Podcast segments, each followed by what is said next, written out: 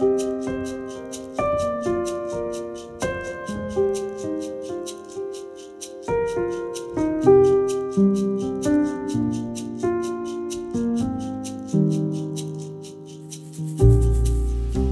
er i en nasjonal krisesituasjon. Mange kjenner på både frykt, angst og motløshet. Nå trenger vi å dele håpsord med hverandre.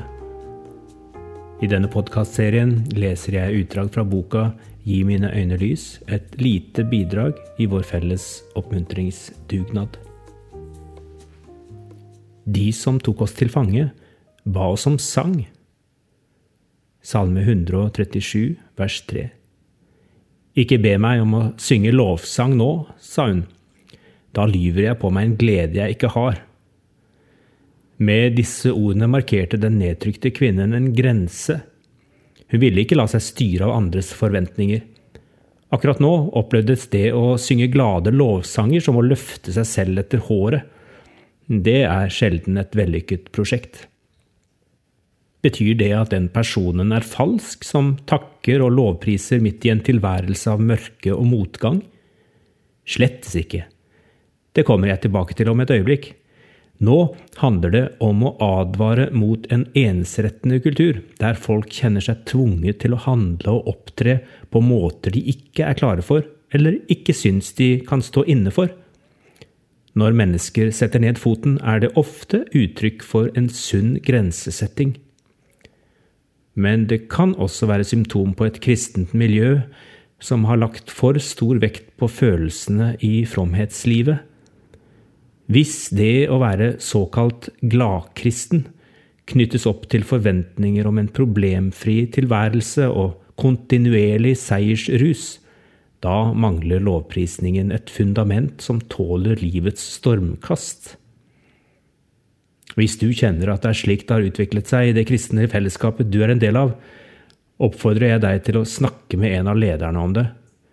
Kanskje nettopp den situasjonen du befinner deg i, kan bidra til en fornyet refleksjon rundt hva tilbedelse egentlig handler om. Den natten Paulus og Silas satt fengslet i Filippi, sang de lovsanger og ba til Gud. Mens de sang, kom et kraftig jordskjelv så grunnmuren i fengselet ristet, dørene sprang opp, og lenkene løsnet av alle fangene, står det i apostelgjerningene 16.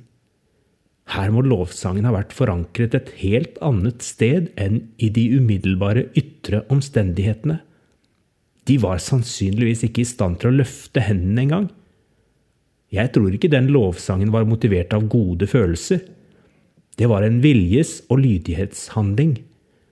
Lovsangen var forankret i vissheten om at frelsen i Jesus Kristus var like virkelig, selv om de der og da var bundet fast.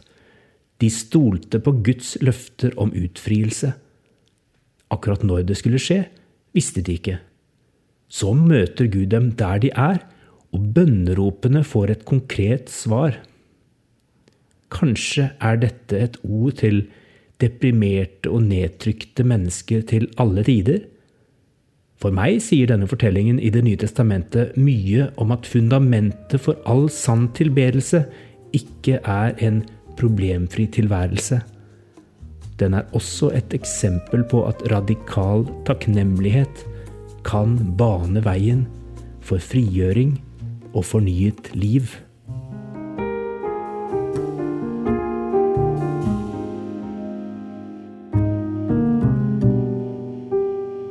thank